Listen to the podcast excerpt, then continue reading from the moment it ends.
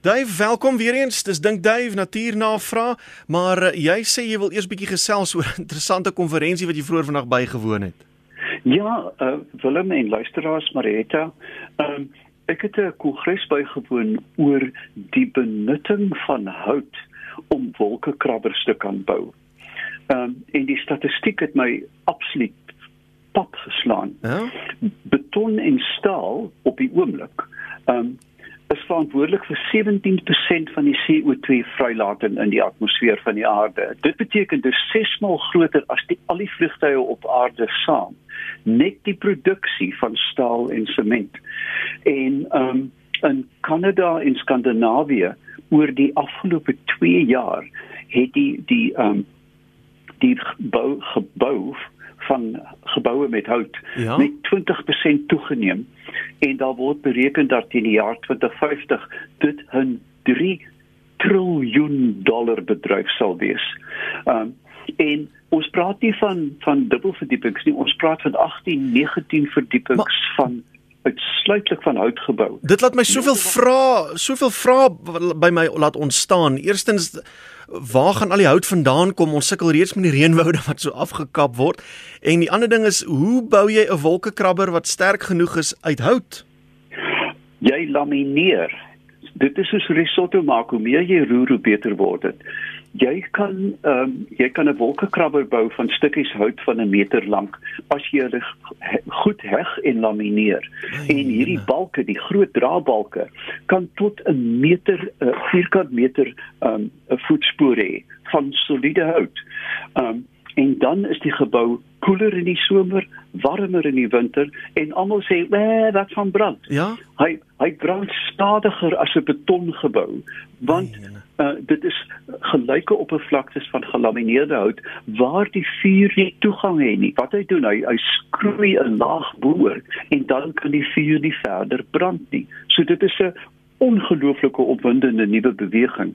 En ehm um, jy weet ons kan van die kleinste stompies kan ons met goeie laminasie, goeie gom en goeie voë kan ons eindeloos uh, ons kan die goed 50, 60 meter lank maak. Ek kan nie glo wat ek hoor nie. Waar gaan al die hout vandaan kom? Die hout kom gaan kom wel uit die bestuurde bronne. Met ander woorde, ons kan gaan na Miombo, jy weet ons bekende laafveldse oop grasvelde en dan kan jy baie gerig daaraan oes sonder om die biodiversiteit uh, te beïnvloed, uh deur net die die volwasse bome uit te haal en uh dan natuurlik uit die noordelike boude as jy dink aan die tundra, jy weet en die noorde van Kanada aan is daar baie baie hout solank dit reg bestuur word. En hierdie span wat ek nou deel van is, kyk na hoe moet ons die bronne bestuur om dit volhoubaar te hou. Ja, dit dit voel regtig vir my of jy my been trek, maar ek sien al wat 'n skrynwerker is, se oë is maak sulke liggies met sulke dollar tekens. Dis nie net dit nie. Jy weet die die, die waardeketting is van die produsent tot die gebou vasgepen. Daar is 'n Engelse term wat ons gebruik in boutsertifisering, chain of custody, waar daar seker gemaak word dat plankie, ah, weet jy ek het gewerk in die Kolombero Vallei waar hulle kiat, uh, Burmese kiat teel. Die hout is so waardevol dat as jy 'n toilet sitplek van hulle koop, gee hulle vir jou 'n GPS koördinaat van waar die boom gesny is. Met ander woorde, die finale ketting van uh, meneer Donko Donko wat dit gesny het tot waar dit afgelewer is met Uber, um, kan jy die waardeketting volg. Soos heeltemal naspoorbaar. Ag, dit is absoluut ons moet dit net meer doen en dit begin nou met produkte soos koffie byvoorbeeld waar die arme plikker, jy weet elke koffieboontjie word met die hand gepluk. Ah. Uh, dit is uh, ontelbare uh, en die mense wat pluk kry by nou niks nie vra vir die ja, boere jy weet ja. hulle hulle skaapvleis wat hulle lewer jy weet veragdubbel in prys voor dit op jou bord land ja. en hierdie waardeketings kan 'n mens reguleer en seker maak dat dit regverdig is. Ongelooflik. Jy moet ons op hoogte hou van hierdie storie hoor. Absoluut nee ek sal. Hmm. nou kom ons kom by luisteraars vra Iemand wil wat besorg is oor oor geitjies. Hulle het nou uh, hierdie pink en blou muisgif in hulle garage uitgesit. Nou is hulle bekommerd die geitjies gaan dit eet. Sal die geitjies dit eet en as hulle dit eet, sal hulle doodgaan? onder geen omstandighede nie. Die geitjies is is suiwer insekvreters en tensy daar nou 'n brommer um, op een van die korrels gaan sit en die geitjie gryp dit nou toevallig. Mm. Maar ek dink een korreltjie gaan die geitjie nie doodmaak nie. Uh meeste van hierdie van hierdie middels uh, is bloedstollingsweerders met ander woorde dis intwendige bloeding by die goed later gaan na doodgaan. Ja. Maar soos ons weet die rotte en en, en muise raak ook weerstandig in Indië met warfarin het hulle vir jare in pakhuise gegooi en toe hulle ophou gif gooi toe vlekkie rotte want hulle was afhanklik van die gif. Nigter. So ja, dit is 'n ek weet dit is altyd 'n oorlogvoering tussen pes en wetenskap. Hmm. Marie van Pretoria Oos, sy's geïnteresseerd in 'n paar diere. Sy wil weet wat eet hase? Ek neem maar nou wille hase, nou nie wat jy nou as troeteldiere aanhou nie. Wat eet nagapies en wat eet houtkappers? Goed. Kom ons begin met die hase. Hase is uitsluitlik plantvreters, met ander woorde hulle eet kort. Hulle is baie lief vir kort gras. Jy sal sien as jy op jou plaas 'n weidingsvlakte het, jy weet waar diere waar wild selfs uh, gedurig by vorm hulle grasperke want hulle hou die die plante daar kort maar hulle urineer ook daarop en en weet die misval daarop en daar sal jy nie aan die hase kry maar hase se vertering is baie onvolledig so omtrent die helfte van die mis word weer geëet die haas gaan sit in 'n U-vorm uh, met sy neus en sy alie en dan van die mis word weer gehersirkuleer om dit maksimaal te benut. Oh, fantasties. Ja, dit is dis werklik 'n uh, uh, uh, boeiende tegniek. En vader, hoop, ons ons hoop dit bly by die hase, ja. maar hoe dit ook al sê, ehm um, Die volgende was nagapies. Nagapies, ja. Nagapies is gewoonlik insekvretend. Hulle is uh natuurlik primate uh met baie gevorderde oë en hulle eet motte en en uh sonbesies ensovoorts. En die laaste een was Houtkappers, eet houtkappers hout. Nee, glad nie. Hulle is net daar om die larwes te eet. Ah. Met ander woorde, al daai gekap is om by die larwe in vrothout. Hulle hulle dit hulle kap beswaarlik en gesonde hout want hulle hoor baie goed. En dan natuurlik het hulle ook 'n baie gevorderde brein om om die brein te buffer teen die skok van die pik. Um en houtkapper bruins word gereeld bestudeer in terme van sportbesering. Jy weet, hoe kan 'n mens die bruin en mense wat valhelms ont ontwikkel, ja. kyk na houtkapperbruine om te sien hoe hulle dit regkry om daai verskriklike gekap uh, uh die bruin daarteen te beskerm. Ongelooflik. En dan 'n vraag hierse oor muskiete. Die persoon sê ek's raad op my hele huis is vol van die klein muskiete, um, veral in my slaapkamer en badkamer.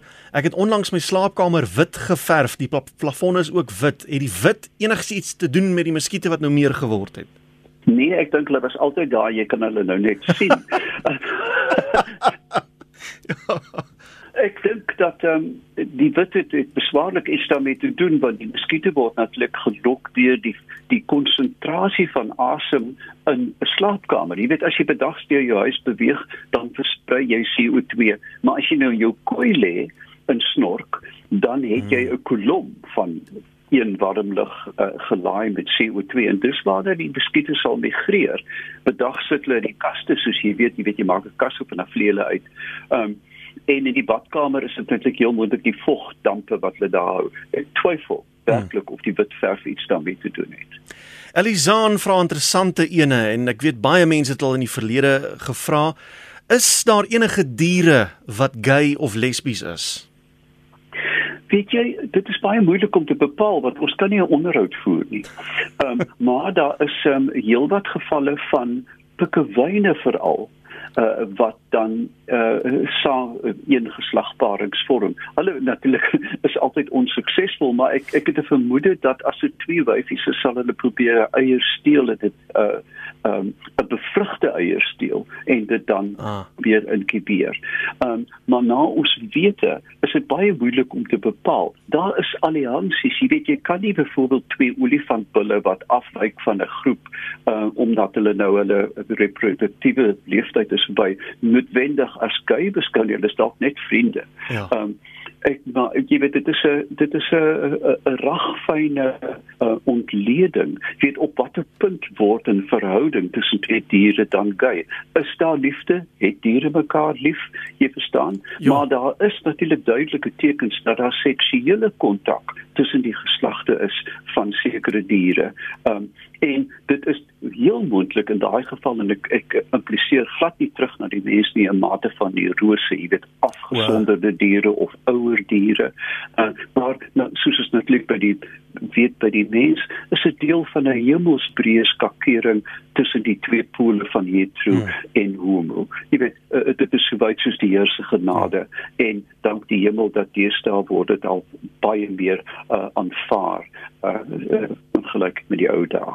Ja, ek dink byvoorbeeld aan iets so seepertjies, is nou nie noodwendig homoseksualiteit nie, maar uh, waar die mannetjie die die die die die, die babetjies dra en en, en hulle aan geboorte aan hulle gee en so aan. O ja, daar is natuurlik ook paddas, die, jy weet wat uh, waar mannetjie paddas byvoorbeeld uh, die wyfie sal die eiers op sy rug vasplak en dan sit hy by die gebakte peertjies tot die goed nou uitbroei, jy verstaan. ja. En ek, dit het niks met seksualiteit te doen nie, dit is 'n eenvoudige oorlewingsstrategie.